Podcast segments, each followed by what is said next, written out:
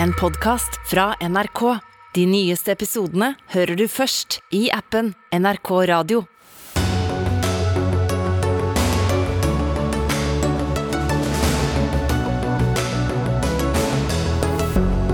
Mens Arbeiderpartiet synker på målingene, så stiger konfliktnivået, og gamle uvennskap blir som nye.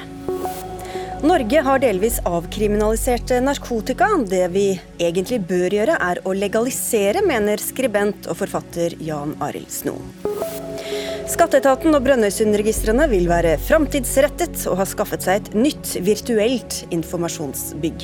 Sett heller fyr på skattepengene enn å investere dem i et digitalt blindspor, sier MDGs Eivind Tredal. Og sykepleiere hopper over i Botox-industrien. Det er en faglig og etisk krise, sier en forsker og lege. Bransjen driftes nå stort sett av leger, svarer Sykepleierforbundet. Ukraina er et annet stikkord for denne fredagsutgaven av Dagsnytt 18. Mitt navn er Sigrid Solund. Men vi begynner med noe helt annet. Det er fortsatt en stund til jul. Likevel ble en lenge bebudet pakke lagt fram av regjeringa i går. Den legger til rette for at bedrifter skal kunne inngå avtaler om fastpris på strøm etter at strømstøtten til næringslivet går ut ved nyttår. Dette skal skape forutsigbarhet, og Kanskje er det like forutsigbart at du ikke er helt fornøyd med regjeringas arbeid på feltet, Nikolai Astrup. De sitter på Stortinget for Høyre. Du sier det er bra med en avtale, men du er ikke like imponert over veien fram til den? Nei, Det er jeg ikke, og det skyldes jo spesielt at næringsministeren for eh, et par uker siden gikk ut eh, og nærmest truet kraftselskapene til å starte å levere fastprisavtaler til bedriftene. Eh, og truet med uante konsekvenser hvis ikke de nå leverte. Men sannheten var jo det at alle venter jo på næringsministeren selv. Og noen avklaringer kom i går. Det er bra. Vi ønsker jo alle å få på plass et fungerende marked for fastprisavtaler. Mens forskriften, som da tar for seg helheten i dette, den venter vi fortsatt på. Så Det er litt rart når næringsministeren har brukt mye av høsten på å raljere med kraftselskapene for at ikke de leverer gunstige fastprisavtaler til bedriftene, når jo det er han det står på. Det er næringsministeren som må trykke på startknappen for at dette skal komme i gang og for at det skal skje. Så Burde han da latt være å si det han har sagt, eller burde den pakken ha kommet tidligere? eller hva er det du etterlyser? Begge deler. Fordi ansvaret ligger hos han, ikke hos kraftselskapene. Det er han som avklarer rammevilkårene, og ikke har gjort det. Og Da blir det feil å skylde på kraftselskapene. Og ja, det burde komme tidligere. Hvorfor gjorde ikke det, næringsminister Jan Christian Vestre? Ja, først og fremst så lurer jeg på om Nikolai Astrup har hatt febermareritt, eller i hvert fall drømt syke drømmer om meg. For jeg har ikke truet med uante konsekvenser. Jeg har sagt at vi er utålmodige på vegne av landets bedrifter, som nå er bekymret for strømregningene sine. At det kom endringer i skatteregimet som skulle legge til rette for fastprisavtaler, har vært klart for kraftbransjen i mange måneder allerede. Dette hadde høringsfrist etter sommeren. Vi har lyttet til de aller fleste innspillene. Og så var det én liten ting som sto igjen, og det var nøyaktig hvor stort dette påslaget skulle få være. Over altså, 0,5 øre. Ja, for da snakker om at for å holde prisene lave eller stabile, så skal man betale ekstra skatt hvis de er over en viss sum. Ja, så Vi gjør jo om hele skattesystemet som gjør at fastprisavtalene vil bli mye billigere, fordi kraftselskapene nå skal betale grunnrente på den prisen de inngår, ikke den til enhver tid gjeldende spotpris. Så har det vært litt diskusjon om hvor stort det maksimale påslaget skal få være. og Der sa vi i budsjettproposisjonen i hvert fall 0,5 øre, og nå har det blitt 2,5 øre pluss 99 kroner i måneden.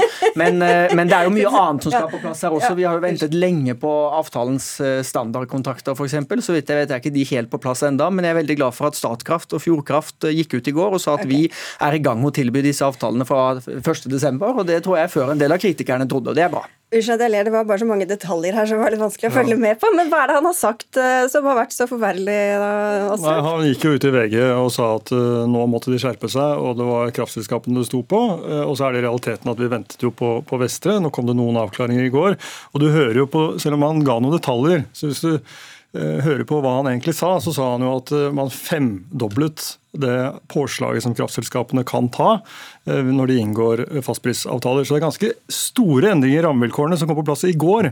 Men for to uker siden så mente da statsråden at det allerede burde vært på plass. og Det sier noe om urimeligheten og hvordan han lemfeldig behandler denne næringen. Så vil jeg også si at... Men Er du enig i det, de forslagene i innretningen her? Forskriften har ikke kommet ennå. Så Han later jo som om at nå er alt på plass, og nå er det bare å kjøre i gang. Men realiteten er at vi venter på en forskrift, og vi vet f.eks. ingenting om hvem som skal ta risikoen hvis et selskap som inngår fastprisavtale, går konkurs. Eh, det er ikke avklart, og det er ganske viktig i disse tider. For nå er det ganske mange selskaper som eh, går usikre tider i møte. Så, så det blir, jeg syns det blir litt spesielt fra næringsministeren det han gjør, eh, og jeg syns han burde kommunisere på en litt annen måte. Men ta det, for det er kanskje mer interessant å snakke om konsekvensene av hva slags politikk vi skal ha, enn akkurat hvem som sa hva når. Eh, ja, jeg har ikke invitert til en diskusjon om hvem som har sagt hva når. Eh, men så vet jo Nikolai Astrup veldig godt at Stortinget må jo først slutte seg til dette før regjeringen kan lage noen forskrift. Vi har hatt eh, god dialog med kraftbransjen for å få opp tempoet, og derfor så er de nødvendige avklaringene gitt. og Det er jo grunnen til at Norges største kraftselskap i går gikk ut og sa vi vil tilby disse avtalene allerede om få uker. og Da er jo målet vårt at vi skal ha et velfungerende fastprismarked oppe å stå før jul, slik at bedrifter som ønsker mer forutsigbarhet, kan få muligheten til å tegne disse avtalene. og Da gir vi dem et valgmulighet de ikke har hatt eh, før nå. Så får vi se da når avtalene kommer i gang. Jeg er fremdeles optimist. Jeg tror det kommer til å være gunstig å tegne disse til gunstige vilkår. Det er markedet som skal fastsette prisen, men med det vi nå har lagt til rette for, og at vi også bidrar til at kraftselskapene fikk litt opp tempo på den jobben de skulle gjøre, så er vi nå i gang. Men, det var de truslene, eller det han kalte trusler? Nei, det var ikke trusler, men det var okay, utålmodighet. Fordi mange bedrifter er bekymret. Men, og jeg mener Da er det viktig at kraftselskapene også tar sitt samfunnsansvar ansvar. Men til det Astrup er bekymret for, nemlig f.eks. hvis noen går konkurs, hva, hva, skjer da? Dette avtalereguleres jo i hvert enkelt eh, tilfelle. Det er kraftselskaper og andre vant til å regulere. Og de gjør selvfølgelig vurderinger av sine kunder. Og Så får vi se når dette markedet kommer i gang. Nå kommer det i gang. Hvordan eh, avtalene vil se ut. Her har vi jo også ventet, og venter så vidt jeg forstår fortsatt på bransjeorganisasjonene at de skal gjøre ferdig standardavtalene sine. Og så vil det da bli regulert i vanlige privatrettslige avtaler. Hva slags konsekvenser er det du frykter? egentlig, Astrup? Nei, altså, Mitt poeng er simpelthen at vi trenger å få dette på plass. Regjeringen har somlet, men de skylder på kraftbransjen. og det, det, blir urimelig. og Jeg tror det er ganske mange som begynner å bli litt oppgitt over næringsministerens ulike utspill. Her har man altså kastet hele regelboken, alle rammevilkårene opp i luften for kraftbransjen, med noen enorme skatteendringer som selvfølgelig har stor betydning for selskapenes evne og vilje til å ta risiko. Men er du uenig i de skatteendringene? Og til å inngå sånne type avtaler. Og så Det de blir møtt med fra næringsministeren, er da trusler på den andre siden. Det, det som det ikke var grunnlag for. Ja, okay, men, men er, du, er, du, uenig i, den, i de skatteendringene som nå det legges opp til? Nei, Vi er for uh, ja. endringene i, som gjør det mulig å inngå fastprisavtaler. Uh, ved at man da uh, ikke betaler grunnrenteskatt på inntekter man ikke har. Dette er jo det de har lagt opp til for øvrig for, for havbruksnæringen. Så har de jo lagt opp til at man skal gjøre det på den måten. Så de er ikke spesielt konsekvente om dagen. Og, og, det er litt av problemet til regjeringen, at næringspolitikken er all over the place. Ja, ja, det samme er også, det samme er også kraftpolitikken. Altså, det, fastprisavtaler vil jo aldri løse hovedproblemet, som er at vi mangler kraft. Og Da må vi ha skattesystem som gjør at det er lønnsomt okay. å bygge ut mer kraft. Og Der har regjeringen gått i stikk motsatt retning. Ja da, Det kommer fortsatt til å være særdeles lønnsomt å bygge ut norsk kraft. og Det får vi se når fasiten skal skrives. Men jeg syns jo det er litt utrolig. Hvordan kan du ta så lett på det? Skal jeg, skal jeg få prate nå? Du har nå gått rundt i ukevis Nikolai Astrup, og sagt at dette fastprismarkedet ikke kommer til å komme i gang. Du har sagt vi må forlenge strømstøtteordningene fordi det ikke er realistisk overhodet at det kommer i gang. Så går altså de største kraftselskapene ut i går og sier at nå er vi i gang. Dette vil altså være oppe og stå i god tid før jul. Og så angriper du meg. Du burde være glad for at vi sammen med kraftbransjen har funnet løsninger, vært utålmodige, presset på for norske bedrifter, slik at de som nå er redd for strømregningen, får et valg. Så det er jo ikke vi som er bakpå okay. her, da. Astrup, kort på det. jo, det er dere som har vært bakpå, og nå har vi fått noen avklaringer. Vi trenger også resten, slik at ikke det bare er de med den største lommeboken og staten som generalforsamling som går ut og sier at de skal tilby noe ja. næringsministeren har lagt sterkt press på at de skal tilby. Da Men jeg håper selvfølgelig på dette kommer på plass. Et siste spørsmål, Vestre, for dette gjelder vel bare bedrifter av en viss størrelse? Nei da, alle Eller? kan tegne fastpris. Det vil være opp til den enkelte å gjøre en risikovurdering. Men disse skatteendringene de vil gjelde for alle fastprisavtalene. Så Det betyr at de som nå ønsker forutsigbarhet, bør kunne få muligheten til å gjøre det. Akkurat nå tror markedet at spotprisen skal godt under krona i 2025. og Derfor så mener jeg det jeg har sagt tidligere, at det bør være mulig nå å få tegnet fastprisavtaler som er til vesentlig lavere nivå enn det vi har sett i markedet så langt. og Det er kjempeviktig. Vi begynte i fjor høst for å sette ned elavgifta. Vi fikk på plass energi energitilskuddsordningen, og nå leverer vi til og med fastprisregime før noen hadde trodd, og det er veldig viktig for å trygge arbeidsplassene våre. Altså, IEA sier jo at uh, neste vinter blir verre enn denne vinteren når det gjelder fylling av gasslager i Europa. Hvordan utfallsrom på den kraftprisen blir, det blir veldig spennende å følge med på. Men jeg håper jo selvfølgelig at du har rett. Men uh, Det er fredag, vi får være litt optimistiske. Det er fredag, så vi får være veldig optimistiske. Ja, da avslutter vi og sier tusen takk til dere begge. Det er fristende å be deg bli sittende, Vestre, men det skal du få slippe. God helg. For både i og utenfor Arbeiderpartiets rekker så går debatten om hva partiet egentlig bør gjøre. I gårsdagens utgave av Debatten på NRK tok AUF-leder Astrid Hoem et oppgjør med tidligere nestleder Trond Giske, og anklaget ham for å hakke på den nåværende partiledelsen og stå i veien for politikkutvikling. Og i dag tidlig i dette samme studio fikk hun støtte fra statsminister Jonas Gahr Støre under Politisk kvarter. Jeg tror hun har mye rett. Jeg forstår det eh, Astrid Hoem sier på vegne av unge mennesker, men også mange andre Arbeiderpartiet. Vi har en ganske vond sak bak oss, eh, og det er ikke noe poeng å glemme den. Altså Trond Giske gikk av som nestleder. Han eh, stilte ikke videre opp som leder i Trøndelag pga. saker som handlet om hvordan man oppfører seg i Arbeiderpartiet, og at det har satt sine spor. Det er en helt erkjennelse, og jeg syns at det at AUF-lederen tar opp det på den måten, det er modig. Utgangspunktet for gårsdagens debatt var en meningsmåling gjort for Dagsavisen og Fri fagbevegelse, der Arbeiderpartiet fikk skarve 16,9% I ettermiddag skriver VG at eh, Giskes lokallag Nidaros har fått 200 nye medlemmer siden i går, nå er de oppe i 1400. Hegg Ulstein, du er kommentator i Dagsavisen. 16,9 eh, kalte du et avskyelig tall og en skingrende alarm for Arbeiderpartiet. Hvordan vil du beskrive hvordan partiet har reagert etter både målingen og kommentaren din? Ja, Det er vanskelig å bruke veldig forsiktige ord og uttrykk om et sånt uh, tall. og Det gikk vel sånn som, uh, sånn som, jeg tror vi alle skjønte da vi så det tallet, at det, det har utløst en uh, veldig sterk krisestemning i, i Arbeiderpartiet. som du sier, i debatten med dette TV-øyeblikket hvor AUF-leder Astrid Hoem gikk i strupe på Trond Giske, og jeg tror at uh, Framover nå så kommer vi til å ha en debatt i både Arbeiderpartiet og LO og ellers i arbeiderbevegelsen som kommer til å konsentrere seg om kanskje først og fremst tre hovedpunkter. Det ene er selvfølgelig Trond Giske. og der ser vi nå at han er en veldig splittende og polariserende skikkelse i Arbeiderpartiet. Uh, og diskusjonen kommer til å være kort fortalt om han er en del av løsningen eller om han er en del av problemet. Og så tror jeg vi får en diskusjon om ledelsen, og da ikke Støre, men partisekretær Stenseng og nestleder Skjæran om man trenger utskiftninger der eh, på landsmøtet neste år. Og det tredje tror jeg vi får er en diskusjon om regjeringssamarbeidet, om man nå skal utvide regjeringen og gjøre forsøk på å få SV med.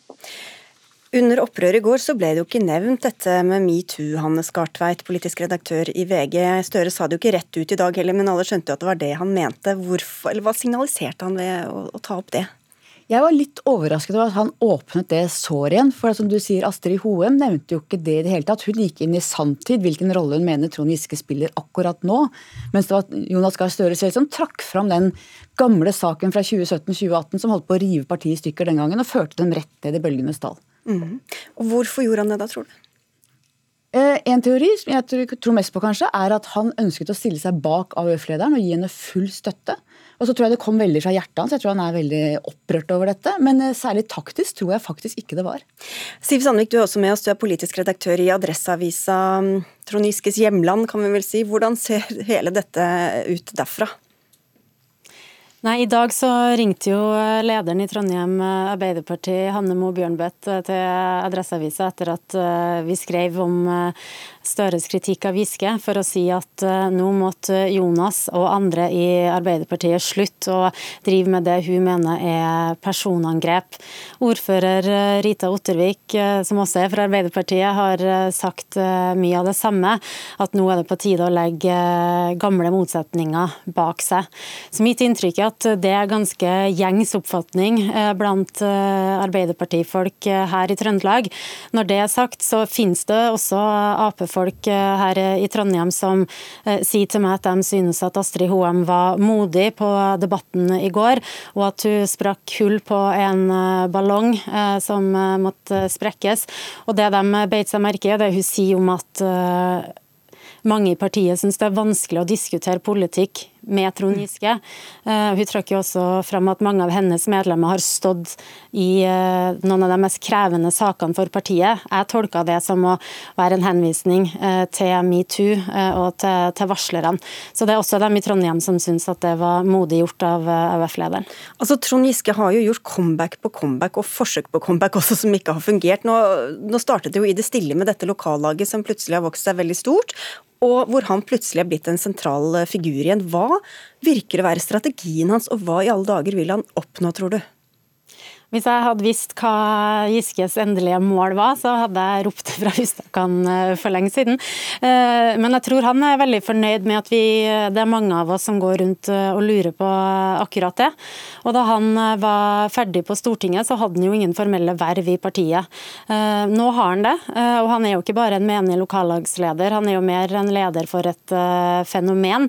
1400 medlemmer har han fått på rekordtid. Og denne plattformen gir han jo en mulighet eh, til å nå eh, det målet han eh, eventuelt har. Det har jo kokt i kommentarfeltene til flere tillitsvalgte og andre engasjerte i Arbeiderpartiet etter debatten i går, Hanne Skartveit. Danner det seg nå leire som igjen handler om for og mot Giske? På en måte er det tilbake til gamle Arbeiderpartiet. Det har alltid vært politisk strid, alltid vært personstrid, av og til dyp personlig strid. Og det er klart, Problemet til Arbeiderpartiet er at Trond Giske nå både er en vanlig lokallagsleder, som har hatt kjempesuksess med å bygge opp et, Norges største partilag i Trondheim, og han er en avgått nestleder med hele den historikken som ligger der, som er veldig betent fortsatt for veldig mange.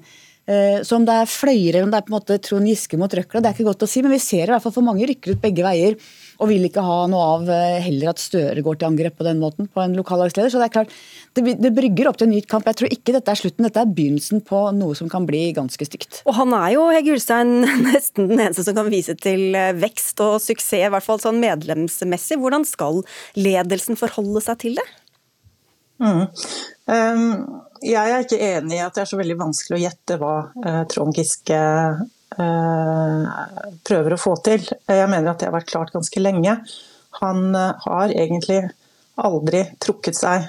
Altså, han har gjort comeback etter comeback etter at han, eller forsøk etter forsøk på comeback etter at han gikk av som nestleder, som lokallagsleder, som fylkesleder osv. Og, og, og jeg har vært ganske sikker på i ganske mange måneder at dette her, eh, som handler om Nidaros det sosialdemokratiske forum, også først og fremst dreier seg om å bygge en maktbase for han. Og jeg eh, er ganske sikker på at han har eh, store ambisjoner framover med å forvalte den maktbasen. Og om han var usikker på det tidligere, så mener jeg at fra og med forrige helg, da han gikk åpent ut i TV 2 og senere her i NRK Ytring, og i hvert fall etter debatten i går, hvor hansken er av, og det er helt Eh, han prøver jo ikke lenger å skjule at han eh, helt eh, opplagt truer eller utfordrer Jonas Gahr Støre på, på, politikken og kommer med, kommer med helt uh, veldig veldig sterk kritikk av regjeringen. Så jeg tror ikke dette er så mye å lure på lenger. Men det kan jo ikke bare være Trond Giske som gjør at det går dårlig for Arbeiderpartiet. Hanne Skartveit, hva tror du er årsaken til dette fallet? Jeg tror virkelig ikke at Trond Giske er verken løsning eller problemet her. Arbeiderpartiets problemer stikker mye dypere. 16,9 er en krisemåling. Jeg tror det handler mye om, om, manglende evne til å knytte seg til folk, til å bygge tillit. Det er jo at vi har en regjering som har omtrent én av fem velgere bak seg samla i en krisetid som vi står i nå. Det er ganske alvorlig. Det er alvorlig for Arbeiderpartiet, men det er også alvorlig for landet. Siv Sandvik, når velgerne forsvinner i alle retninger, egentlig, både til høyre og til venstre, hva kan da Arbeiderpartiet gjøre for å få dem tilbake og snu den trenden? Nei, altså akkurat med hvor velgerne går, det skaper jo også problemer når Arbeiderpartiet skal svare på veien videre. Eh, enkelte folk jeg snakker med i partiet sier jo at se, velgerne våre setter seg på gjerdet. De vil ha en tydeligere eh, venstrepolitikk, mer fokus på velferd. Vi bør knytte oss eh, sterkere til SV og ta dem inn i regjering. Andre peker på at mange av velgerne drar til, til Høyre og sier at vi må holde SV på armlengdes avstand, ikke gi dem gjennomslag i statsbudsjettforhandlingene og orientere oss mer mot sentrum. Jeg tror jo eh, noe av det viktigste som ble sagt i eh, debatten i går, var jo at eh, partiet sliter med å, med å formulere løsninger og, som folk tror på. Og ikke bare at de tror på løsningene, men at de også tror at partiet skjønner hva det er som foregår. Det var jo en lokal ordfører som trakk fram det de sa om kraftkablene, om at de har tjent oss godt lenge. Og Den type retorikk funket når folk opplever at de ikke tjener landet godt nå. Og Det samme ser vi jo på, på lakseskatten, ikke sant? når gjennom linja fra regjeringsmedlemmene er at nå er det på tide å skatte laksemilliardærene hardt. Og Det har ikke jeg møtt en eneste, eller truffet en eneste Senterpartiordfører, eller Arbeider, i hvert fall ikke Arbeiderpartiordfører, som er uenig i. Det er jo innretninga på skatten de er bekymra for, og, det er dem, og hvordan det skal ramme lokalsamfunnene langs eh, kysten eh, i Trøndelag.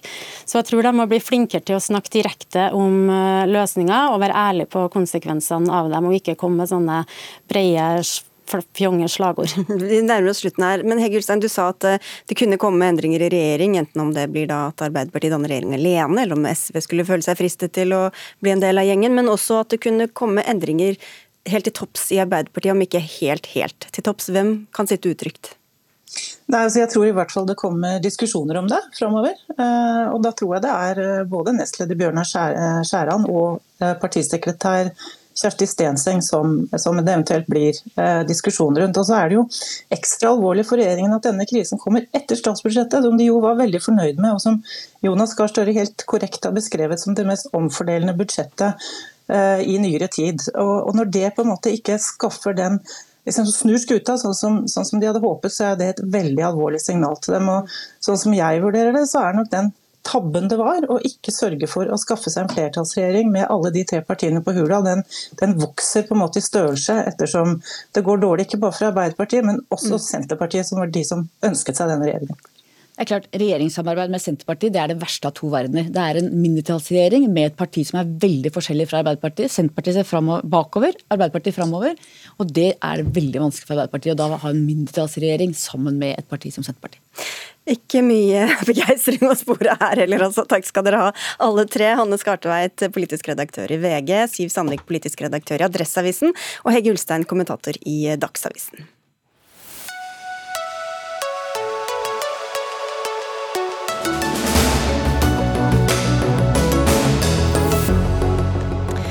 Flere år nå har vi diskutert en mulig rusreform i Norge, der essensen har vært hvor omfattende en avkriminalisering av brukerdoser skal være. Om den skal gjelde alle, eller bare de som regnes som såkalt tunge misbrukere. Saken er fortsatt under utvikling hos eh, politikerne i rettsvesenet og i politiet. Men egentlig er den beste løsningen å legalisere det som nå er ulovlige rusmidler. Først cannabis, og siden sterkere stoffer skriver du en ny bok, 'Legaliser nå', Jan Arild Snoen, forfatter og skribent i Aftenposten og Minerva. Du kaller avkriminalisering et skritt på veien, og tror at legaliseringsdebatten kommer til å komme med mye større kraft framover. Hvorfor det? Den kommer fordi det skjer ting nede i Europa. Malta har legalisert. Eh, Tyskland kommer antageligvis til å gjøre det, har vedtatt å gjøre det. Så det skjer en bevegelse. Det som er Problemet med avkriminalisering, som har mange gode effekter, særlig for brukerne, det som er problemet er at brukeren fremdeles er en del av en kriminell kjede. Det betyr at du må gå til kriminelle for å få stoffet ditt. Det er uheldig i seg selv. Du vet ikke helt hva du får av kvalitet, altså styrke, hvor rent det er. Eh, og Så ligger det også en lang kjede bak der eh, som er veldig preget av vold. Det ser vi, Går vi bare til Sverige, så ser vi det. Veldig mye av det som er bombeattentater, skytevåpen og drap er knyttet til denne kampen om narkotikamarkedet. Så og Det oppnår du bare ved legalisering, og ta vekk det, eller redusere det. Det er flere argumenter, men hvis vi tar tak i dette først. Inger Lise Hansen, du er generalsekretær i Aktis, rusfeltets samarbeidsorgan. Dere ønsker en generell avkriminalisering for bruk og besittelse, men ikke legalisering. Hvorfor ikke det når vi hører om denne kriminelle virksomheten? Nei, Jeg tror det er en veldig dårlig idé. Eh, for meg så handler ruspolitikk om å forebygge og redusere skader av rusmiddelbruk. Eh, og vi har hatt en målsetting i norsk ruspolitikk lenge om å holde rusbruken lav. Eh, av hensyn til folkehelsen. Og det er noe vi vet at jo flere som bruker, jo flere, også, flere skader vil du også få. Men hvis vi forholder oss til dette først, med kriminelle. altså da, da har man jo, Hvis man avkriminaliserer, så legger man jo opp da, til kriminell virksomhet. Det som er utfordringen her, da, det er jo at vi legger jo ikke opp til en kriminell virksomhet. Eh, man kan lett snakke om at man tror at det svarte markedet og det kriminelle virksomheten knytta til narkotika blir borte dersom man legaliserer, men det er en forenkling av virkelighetsbildet. Hvis man ser på de statene som har legalisert narkotika i dag, eh, i USA og Canada f.eks., så er jo fortsatt det svarte markedet betydelig. Så Derfor så blir det en liksom forenkling av debatten. og Det er derfor jeg egentlig at vi mener at vi bør begynne et annet sted. da. Hvis målet er å holde rusbruken lav, så er det en dårlig idé å legalisere narkotika. Men man får bare to parallelle markeder, da? Altså ja, du, du, vil kunne få et parallelt marked, men det vil bli mindre og mindre. Vi ser I Canada så blir det mindre og mindre for hver måned. I USA har de spesielle problemer fordi dette er fremdeles forbudt eh, på, på, riksplan. Sånn at det er problemer med bl.a. selgerne får ikke bankkonti og sånt. Veldig mye foregår med cash, og det skaper da noen spesielle problemer. Så Den amerikanske modellen har, det er problematisk, men er ikke overførbart eh, til det norske. Men dette med, altså vi, Ja, det er skadevirkninger med rus, men, eh, men en god del av de skadevirkningene de er knyttet til forbudet og ikke til bruken. Så Det er de to tingene vi må se opp mot hverandre. At skadevirkninger knyttet til, til, til eh, forbudet er etter min mening de dominerende. Hva er det, da? Ja, Det er det som vi har nevnt. at Du får ikke tak i altså du Ja, at det overdoser og Overdoser f.eks., ja, mm. men også det at du får stoff som du ikke vet hva er, mm. eh, eh som, er som er utvant. Du må, du må, forhandle, du må handle med kriminelle. Eh, sånne ting. Pluss at du er jo da også litt avhengig av hvordan avkriminaliseringen er, så er det jo på utsiden av samfunnet på mange måter og et rulleblad. Jeg, jeg, tror jo ikke helt vi deler virkelighetsbeskrivelsen her. Eh, fordi at Vi har hatt et mål i Norge om å holde rusbruken lav, eh, og det har vi til, til dels klart ganske bra. Vi har lavere bruk både alkohol og narkotika i Nei. Norge sam, sammenlignet med gjennomsnittet i Europa. Eh, og, og, Derfor så er det noe med å ikke på en måte starte et sted og si at vi har eh, store store alvorlige problemer. Det er det som funker. Og jeg mener at det å ha eh, narkotika som et ulovlig, at det er ulovlig, det har en allmennpreventiv effekt. Det vil si at det øker terskelen for å, å teste og bruke. Og det vet vi jo. Altså hvis man sammenligner de statene i USA som har legalisert, da, så har du jo, kan man regne at de som bruker bruker kanskje en gang i måneden eller noe sånt, eh, eller har brukt de siste fire uker, det er 18 eh, mens i Norge så har vi eh, det samme tallet er på under 2 ja, men det, det, er ikke en reell sammenligning. Du må se hva skjer, i, hva skjer når du endrer lovverket.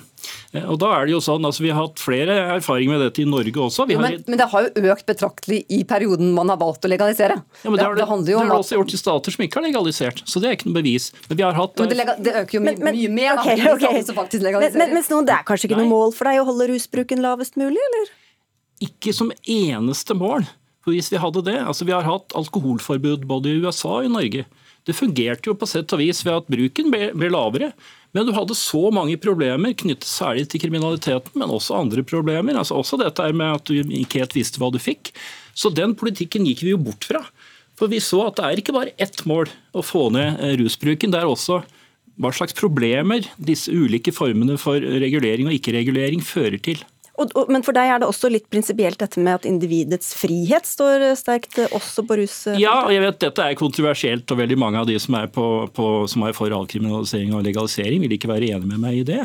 Eh, men det har noe med det, særlig fordi vi behandler et stoff som som alle ekspertgrupper som har prøvd å rangere hvor skadelige disse stoffene er, mener at alkohol er mer skadelig enn cannabis. Likevel så er det ene forbudt og det andre ikke ikke. Eh, og det farligste da ikke forbudt. Så det ligger noe urettferdig i dette. Vi vet også at mye av opphavet i disse, den forskjellsbehandlingen det er hvem er det som bruker disse stoffene. Er de en annen kultur? Er det noen andre mennesker? Er det ikke vanlige borgerlige mennesker? Så forbyr vi det. Men hvis det er majoriteten, de vanlige menneskene som bruker det, så er det greit. Jeg tror på mange av intensjonene til Snoen, eh, men, men, for meg så handler det om at vi må legge til grunn solidaritet i ruspolitikken vår. Og Da handler det om å forebygge og begrense bruk eh, av hensyn til folkehelsen og hensyn til enkeltpersoner eh, som både direkte og indirekte blir berørt av de utfordringene som, som bruken medfører.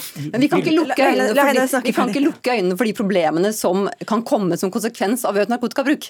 Altså Det handler om, om helseutfordringer. Hvilke konsekvenser får det for, for trafikksikkerheten vår? Hvilke konsekvenser mm. får det for den psykiske helsen vår? Hvilke konsekvenser får det for arbeidslivet, for, for unge menneskers gjennomføring av skolegang? Eh, vi vet jo at, at helseutfordringene øker når, når, bruken øker. Det er bare å se på at Vi har hatt økt cannabisbruk i Norge, da, Sverige og Danmark de siste 20 årene. og Samtidig så øker jo psykosutløste cannabis, cannabisutløste psykoser. Så vi vet jo at det er helserisiko med bruk av narkotika. Ja. Og da har du ikke engang nevnt alle pårørende som også kan bli påvirket av dette. Ja, vi, vi vet det, men vet, vi vet også at mange pårørende er påvirket av forbudet. altså at, at, barna deres, ungdommen deres, de blir fanget i dette kriminelle nettet. Så får de et rulleblad, og så går det ganske gærent med dem. Så Det er også en skadevirkning av forbudet og ikke av bruken. Det er en kombinasjon av begge. Men de som har prøvd dette, da, for dette er ikke sånn altså, ut i det blå en stor risiko. Colorado har hatt dette i ti år. Oppslutningen om legalisering i Colorado øker år for år. Eh, den demokratiske guvernøren som var imot dette, han snudde etter noen få år. Det er ikke aktuelt noe sted der amerikanerne har gjort dette, å reversere. Fordi de har i store og hele positive erfaringer med det. Ja, men I Colorado så har du også hatt et økende antall brukere av narkotika. Eh, og Konsekvensen av det blir jo også økte, økte, skader. Og Det er den samfunnskostnaden man også må være villig til å ta dersom man skal velge å gjøre det, eh, det du ønsker. Nei, altså Du har mindre skade forbundet med forbudet, og så har du kanskje noe større skader når forbruket øker noe, men det har ikke økt mye. Det er nesten ikke økt blant unge brukere, som er veldig mange opptatt av. Det har økt en del blant eldre brukere som bør ha vett til å bestemme dette selv. Jeg mener at det er et stort risikoprosjekt, og den risikoen er jeg ikke villig til å ta. Da får vi se om legaliseringsdebattene kommer til å ta over for avkriminaliseringsdebatten her i Dagsnytt 18 eh, i årene som kommer. Takk for at dere tok denne, i hvert fall. Jan Arild Snoen, skribent og forfatter, og Inger-Lise Hansen i Aktis.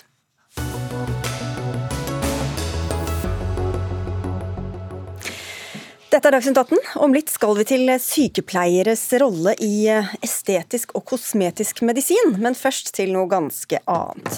Som den aller første offentlige aktøren har Skatteetaten og Brønnøysundregistrene etablert seg i den digitale verdenen Decentraland.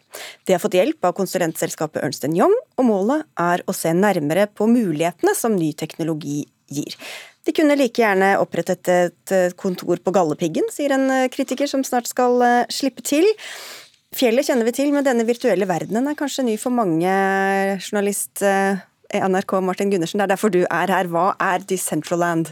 Altså, det er et virtuelt, eller et spill, hvor man kan møtes over internett. Og det er ulike aktører som har lagd Eh, ulike mm, opplevelsessenter, kan man kalle det. Hvor man kan eh, spille spill eller bare oppleve atmosfæren.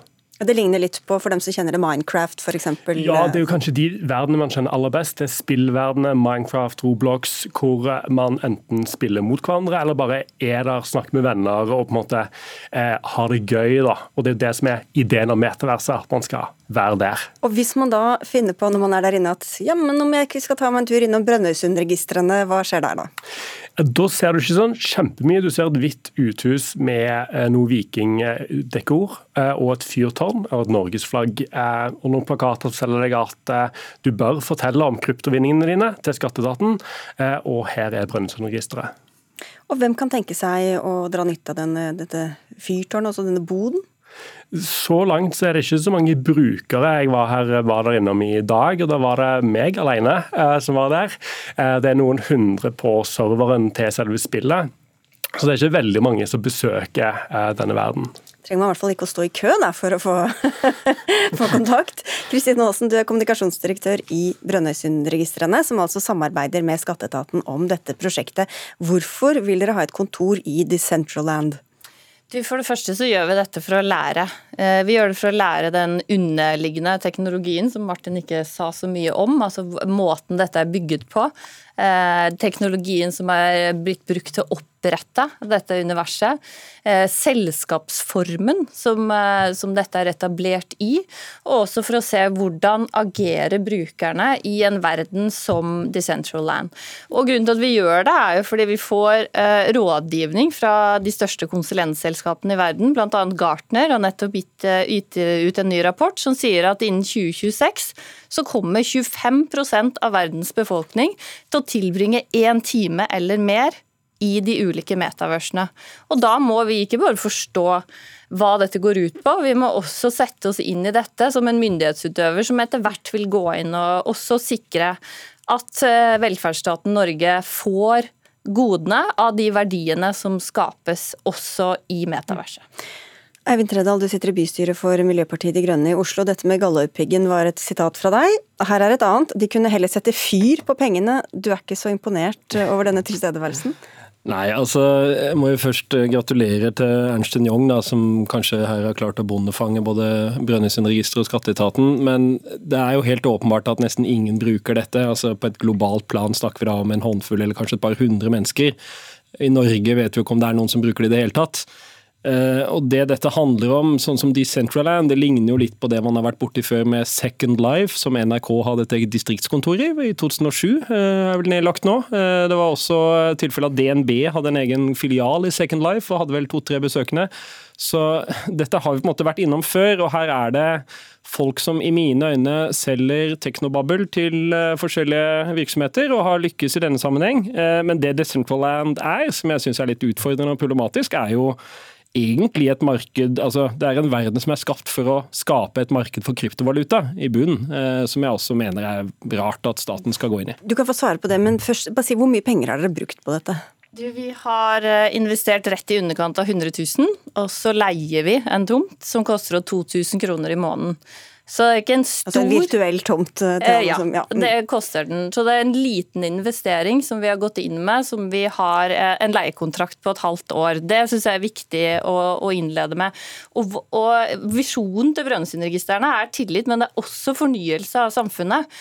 Og Det er derfor vi går inn og utforsker disse nye verdenene, for å se ok, hva er det som skal til for at vi også kan skape tillit? Så dere er sånn der liksom for å spionere på en måte, mer enn å være et tilbud til de som eventuelt måtte forville seg inn der? da? Eller? Eh, nei, vi er der for å observere. og Jeg er jo mor til en elleveåring selv. Og jeg tok et valg når hun begynte å game. Skulle jeg sette meg ned og game sammen med henne?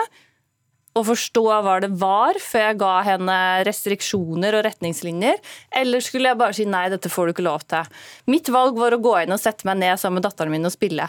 Her går vi også inn og utforsker en teknologi, ikke for å møte mange, som det er helt enig med Eivind her, vi møter ikke mange der. Men vi lærer, og vi forstår bruksmønstrene. Ja, altså, Jeg er jo redd for at uh, både skatteetaten og Brønnøysundregistrene er litt for rask for seg sjøl her. For vi har jo et problem med digital tilstedeværelse i offentlig sektor i Norge. Og det er jo i hovedsak den andre enden av skalaen. At det er altfor mange nordmenn som føler at de ikke klarer å henge med. Det er vanskelig å bruke bank-ID-appen, og det er vanskelig å klare å gjøre alt digitalt. Så hvis man skal ha noen ekstra uh, satsinger, så vil jeg jo heller satse på å få med folk på den utviklinga vi allerede har vært gjennom. Og så er jo jeg nå da Er det noen motsetning mellom det, da? Kan det kan jo være det. Er alltid motsetninger mellom bruk av penger i offentlig sektor, vil jeg si. Man må jo vekte hva man bruker dem på. Og jeg er jo i målgruppa. Gjennomsnittsgameren i Norge er vel en mann i midten av 30-åra. Det er jeg. Jeg kjenner ganske godt til de forskjellige gamingplattformene osv. Og, så og jeg vet at både metaverset til Facebook og de forskjellige andre metaversprosjektene er noe folk stort sett flirer av. Nesten ingen bruker Altså, Decentraland har vært der i fem år. De har noen få hundre brukere globalt. Det sier litt om hvor lite etterspørsel er. Hvorfor gikk dere akkurat inn her, i stedet for å gå inn Du sa av hva du tror blir, blir utviklingen her, men kunne man ikke vente og se til det faktisk dukket opp noe som folk brukte? Grunn, eh, igjen da, som jeg sa, Grunnen til at vi gikk inn er basert på infrastrukturen som den er bygget på. Det er en Ethereum-infrastruktur som vi også har gjort utforsking på knytta til en, en digital aksjeeierbok. Eh, og Grunnen til at vi gjør det, er òg organisasjonsformen som Decentraland har. De har en desentralisert organisasjon som i dag ikke er mulig å etablere i, i foretaksregisteret, som er vår, eh, vårt uh, organisasjonsenheter der de ligger i Norge. Så Det vil da si at her genereres det store verdier i verdenssammenheng. For det er ikke bare gaming der inne, man selger ting. Det, det mines. Det er mye kryptovaluta, som du sier, som nå har en liten nedperiode. Men ja, det genererer store verdier. Og det er noe vi må finne ut av hvordan det kan komme fellesskapet til gode. Hvorfor er det så kritisk akkurat det med kryptovaluta? Jeg tror den viktigste måten man kan eh, sørge for at uh, kryptovaluta, at ting kommer til fellesskap til gode, er jo å få regulert og forbydd mange av de produktene som folk har blitt svindla over mange år nå. Altså, ja, jeg tror jo, jeg er litt, nesten litt overrasket ved å høre at man her tenker at dette er nede i en liten dupp, og så kommer det tilbake. Vi har jo sett en kjempeoppblåsning av bobler i den digitale verden i form av kryptovaluta, som har ruinert mange tusen, sikkert hundretusenvis av mennesker, og som også har skapt helt falske inntrykk av at her er det verdier som skapes, mens det som egentlig skjer er at man bygger digitale pyramidespill. Jeg syns statens rolle dette skal være å regulere og bli kvitt den massive mengden svindel som finnes i den digitale verden i dag, ikke å prøve å bli med på den og henge seg på toget. Ja, og Det tror jeg ikke vi er uenige om, hva vår rolle er. Men det er ulike tilnærminger på å lære seg ting før du går inn og regulerer. og Det er vi nok kanskje uenige i tilnærmingen her. sånn. Og Derfor så har vi jo gått inn med en veldig liten liten investering. Og så vil jeg jo si til kritikken du tar opp knyttet til det å veilede de som ikke får til tjenesten vår i dag, vi gjør det òg. Mm. Men, men kan, kan, det etter hvert skje inne i Decentraland? Kan man få kontakt med noen der, spørre om ting, eller? Ja, vi hadde intervjuet vårt med Digi i Decentraland, så selvfølgelig kan du snakke med folk der inne. Du kan veilede dem. Eh, vi har også veiledning knytta til selskapsetablering der, for å få flere til å etablere seg som selskap i Norge, da. Så hvis ikke bank-ID-en virker, så kan du bare gå inn på Decentraland, så kan du spørre skal det altså, Da tror jeg Hvis du hadde tatt en bruksanvisning til BankID, skrevet ned på et ark og bretta det til papirfly og kasta det ut av vinduet i Brønnøysund, så tror jeg flere hadde fått det med seg enn inn i Decentraland. For det er jo ingen som bruker det. og Det er litt av, litt av utfordringa her, da, at man har latt seg lure til å tro at dette er det neste store. Men det har jo vært der i fem år. Det er nesten ingen som bruker det. Mark Zuckerberg holder nå på å ruinere hele selskapet sitt på å skape et metavers som også stort sett bare møtes med at folk himler med øynene og tenker hva er det for noe tull. Så jeg opplever jo at dette er å gå inn jeg, Som sagt, jeg tror man har blitt bondefanga av konsulenter her. Et halvt år i første rekke, og så får vi se om fyrtårnet står etter det. Det får vi se på. Ja. Takk skal dere ha, i hvert fall eh, alle tre, for at dere var med i eh, Dagsnytt 18. Kristine Aasen, som er kommunikasjonsdirektør i, ved Brønnøysundregistrene. Eivind Tredal fra Miljøpartiet De Grønne og Martin Gundersen, journalist i NRK.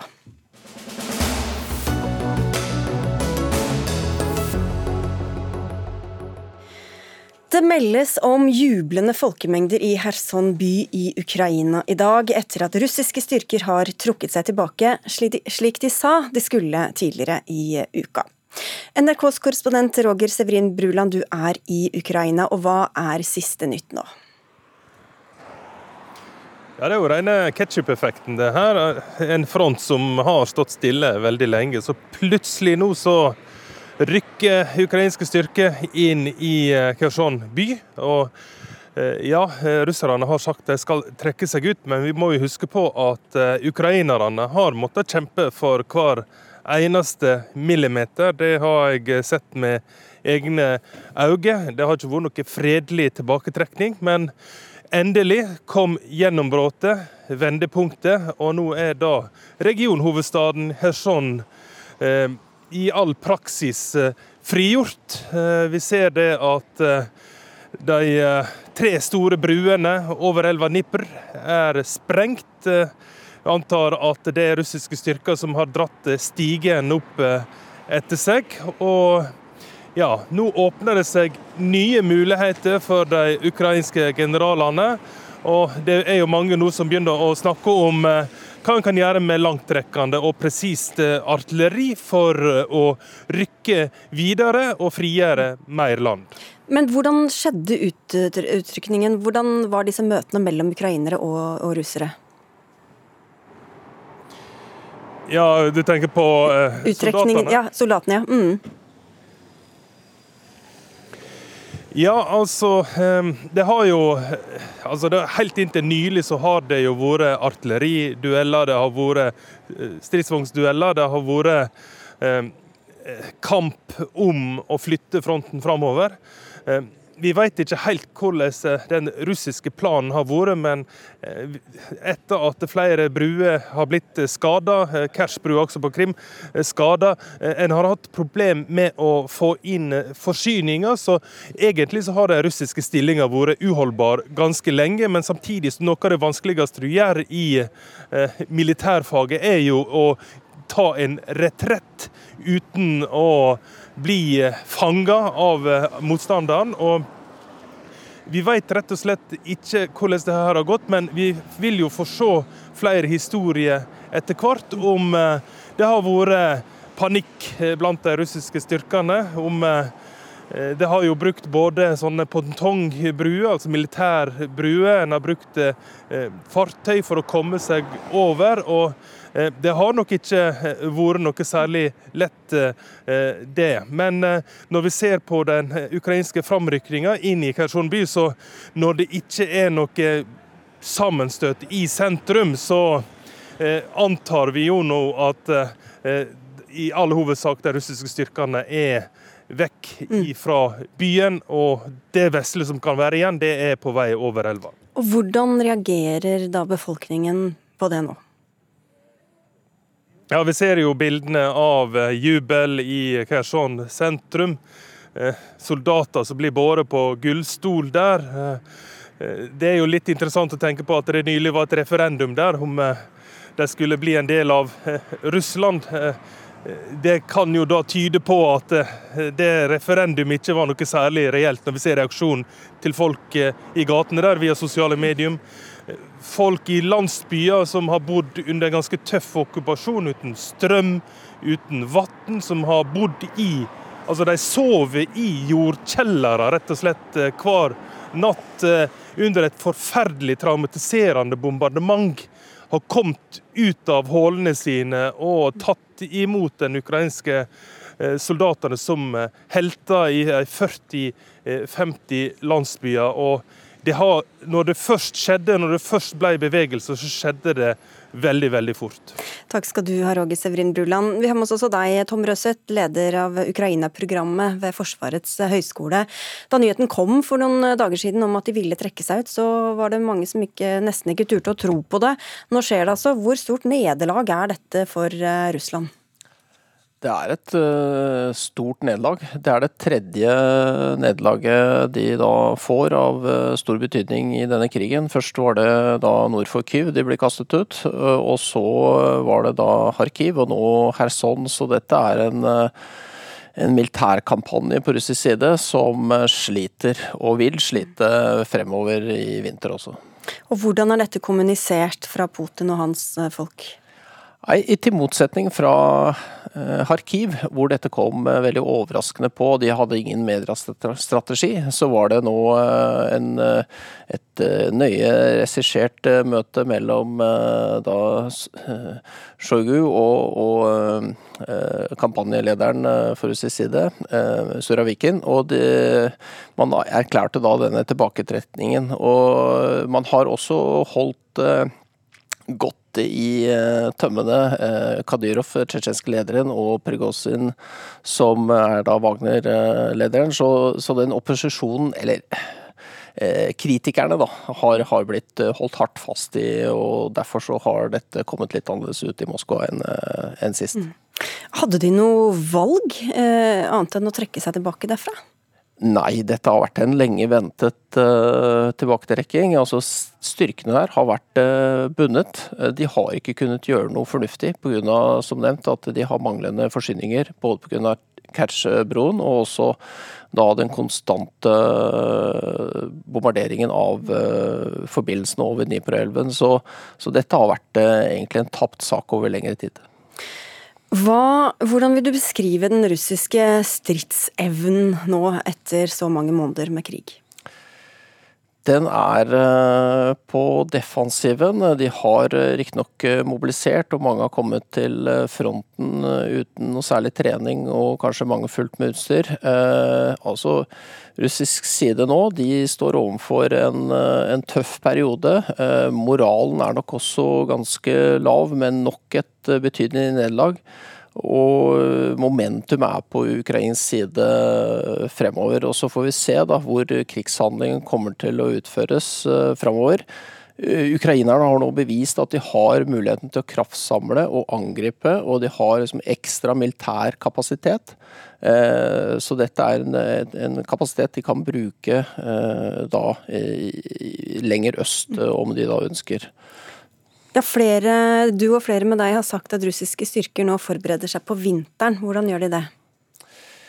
Nei, Det er defensive posisjoner i hovedsak. Eh, og så har de litt momentum i Donetsk fylke rundt Bakhmut. Eh, men eh, det er jo Også russisk side kommer nok nå til å prøve å stå vinteren ut og, og, satse på at de får mer momentum når våren uh, slår inn. Uh, det avhenger liksom av uh, altså Krigens gang nå framover vil avhenge av hvor godt de klarer å integrere de mobiliserte inn i de russiske avdelingene. Og så, ja, så får vi nok videre ukrainsk fremgang. Men russisk side, de kommer til å slite, det, det, er nok eh, ganske sikkert. Det er jo sagt at de vil prøve å slite ut også ukrainerne gjennom særlig å fryse dem, ikke gi tilgang til mat, strøm osv. Men er det også en mulighet for at russiske styrker blir slitt ut gjennom eh, vinteren? Ja, jeg vil hevde at de allerede er utmattet. Og vi har jo ganske omfattende og bred rapportering på at eh, det er utstyrsmangel og er, de er dårlig trent. Og så skal vi ikke generalisere for mye. Det er godt motiverte russiske styrker som er kontraktssoldater og i profesjonelle avdelinger som fungerer eh, godt, sånn som vi har sett uh, til dels i Kherson, selv om de har manglet forsyninger, og også i, i Donetsk fylke. Men uh, det er klart dette er en prøvelse uh, framover når, når kulda slår inn. det er det er også en fordel å angripe å forsvare seg, selvfølgelig, men, men det, det, er gitt at eh, de da har gått med utstyr for kulda. Den kan bli stram, spesielt i øst i Ukraina. Tom Røseth fra Forsvarets høgskole, takk for at du var med fra Bergen, for dem som lurte på hva bakgrunnsbildet var.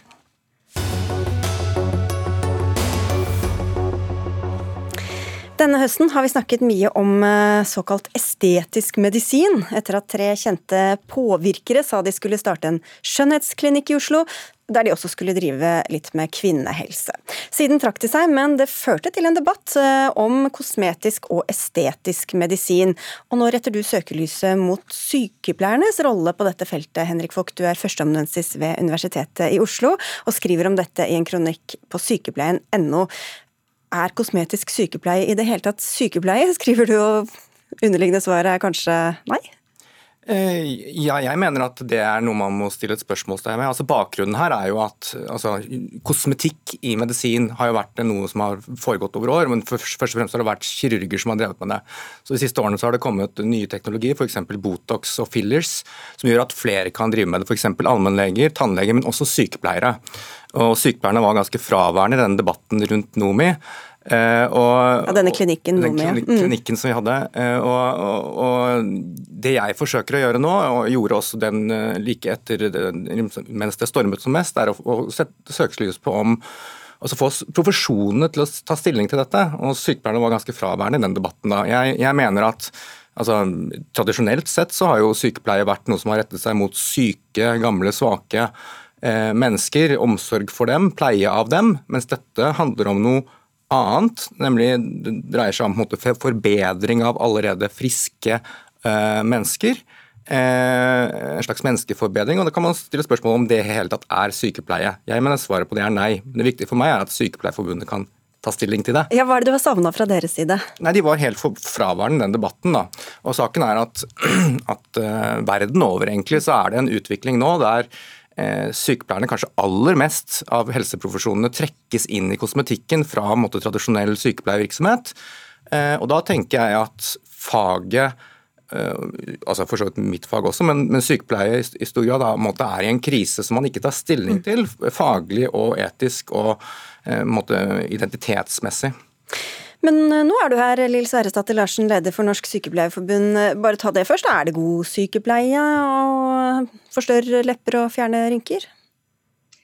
Nå er det sånn at det er kanskje rundt 100-150, eh, altså rundt i underkant av 1% av sykepleierne i Norge som jobber med kosmetiske sykepleiere, av de 130 000 sykepleierne vi, vi, har. Så det er klart, det er ikke veldig mange sykepleiere som jobber innenfor dette feltet. Om det er god sykepleie med fillers og rynkebehandling, det er i veldig veldig liten grad det som regnes som sykepleie. Der har folk Vogt helt rett i at det vi jobber med, er å redde liv og eh, mestre sykdom og forebygge uhelse og legge til rette for en eh, verdig død når det er utfallet som er nødvendig. Spørsmålet er mer om det er nødvendig at det er sykepleiere i denne bransjen, og der er svaret et rungende ja. Det er en uh, bransje som selvfølgelig er mer enn bare fillers og, og um, rynkebehandling. Det er knytta til akne, arrbehandling, solskader sånn i forkant av at det blir en uh, kreftbehandling.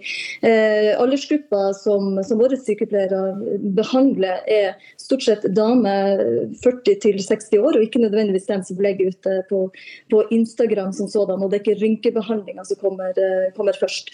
Men det viktige med grunnen til hvorfor det bør være sykepleiere i denne bransjen, er at det er også en litt kynisk, uh, uetisk uh, bransje som stort sett uh, dessverre folk driftes og eies av, av leger. Eh, og i så måte som er dreven også av økonomiske hensyn. Så man er helt avhengig av at man har sykepleiere som dermed kan gjøre injiseringen og behandlingen riktig med tanke på pasientsikkerhet, men også for å veilede ut av, eh, ut av behandling der det absolutt ikke bør være nødvendig med verken større leppe eller rynkebehandling. altså en etisk barriere på en måte da, Fugt? Eh, ja, altså, Jeg tenker jo at det er viktig at altså det, er, det, er, viktig at vi tar en, uh, lager noen grenser mellom altså, Man snakker om, om aknearr f.eks. Altså, at, at helseprofesjonelle kan drive med det. Det er jeg for så vidt enig i. Det handler om, om sykdom og skade. på, en måte. Vi, det er mange gråsonetilfeller her, men i stor stor grad så handler ikke denne bransjen om det. Det handler helt åpenbart om måte, forbedring av ting som er aldersnormalt, f.eks.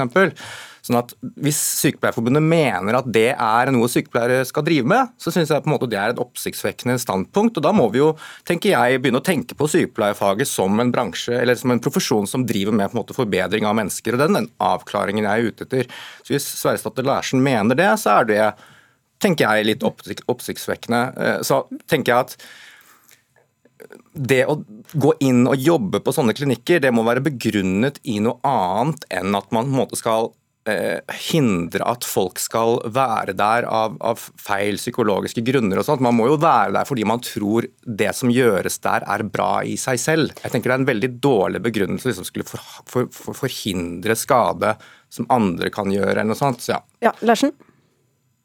Jeg tenker Folk skal ikke legge noen ord eh, i munnen på meg som overhodet ikke har ment. Sykepleiere redder liv. Vi mestrer Du redder ikke liv på kosmetisk klinikk? Vi mestrer, hjelper pasienter til å mestre sykdom, uansett hvor de er. Denne bransjen er jo der. Men, men, da syns du det er ålreit at en del sykepleiere er i den bransjen? Bare for å få avklaring, så syns du at det er helt greit at det jobber sykepleiere på sånne typer klinikker? Vi har eh, pasienter som bl.a. beskriver at de har møtt eh, en sykepleier som har vært med på å veilede dem ut. Dermed så er forskjellen på en, eh, en, klinikk, som, en klinikk, som, er dreven etisk riktig, som tar høyde for de behandlingene som noen gang er riktig og nødvendig, på lik linje en tannlegebehandling eller tannregulering f.eks. Men du trenger altså en etisk og omsorgsfull kompetanse også for å veilede eh, pasienter eller folk ut eh, av en Eh, at de ikke nødvendigvis skal ta behandling som de ikke har behov for. Og når de først finnes eh, folk, disse klinikkene, så er det kanskje bra at det finnes kompetente folk der også? Ja, det kan man si, men, men jeg tenker at eh, altså, noe av problemet med Problemet med denne typen virksomhet er at den er driver av en utvikling der, der folk ikke føler at de er bra nok som de er. Det bekrefter folk i at de ikke er er bra nok. Og jeg tenker at Det er en ganske dårlig begrunnelse å tenke at man skal liksom være på disse klinikkene for å veilede folk ut igjen. Altså Når sykepleiere går inn i det, så er de del av en virksomhet som jeg tenker er et folkehelseproblem, fordi den måtte bekrefter, eller river ned normalitetsbegrepet og bekrefter folk at det ikke er bra nok.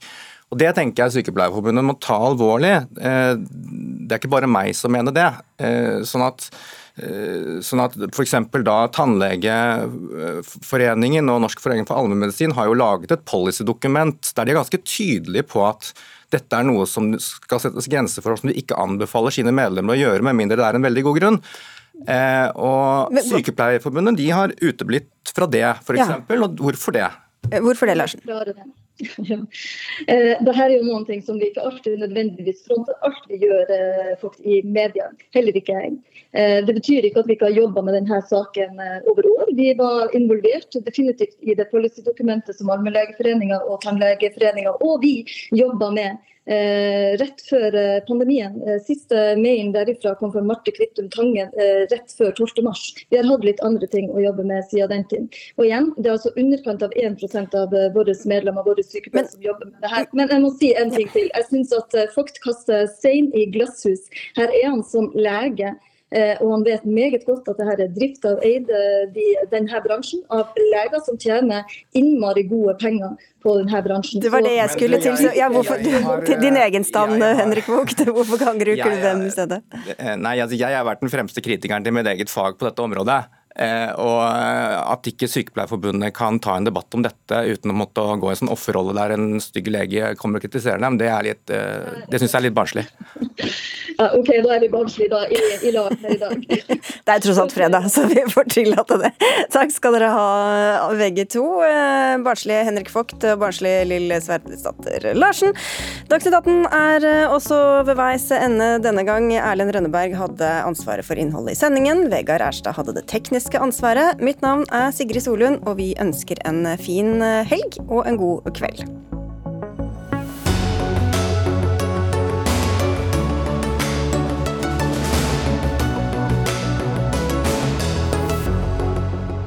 Du har hørt en podkast fra NRK. De nyeste episodene hører du først i appen NRK Radio.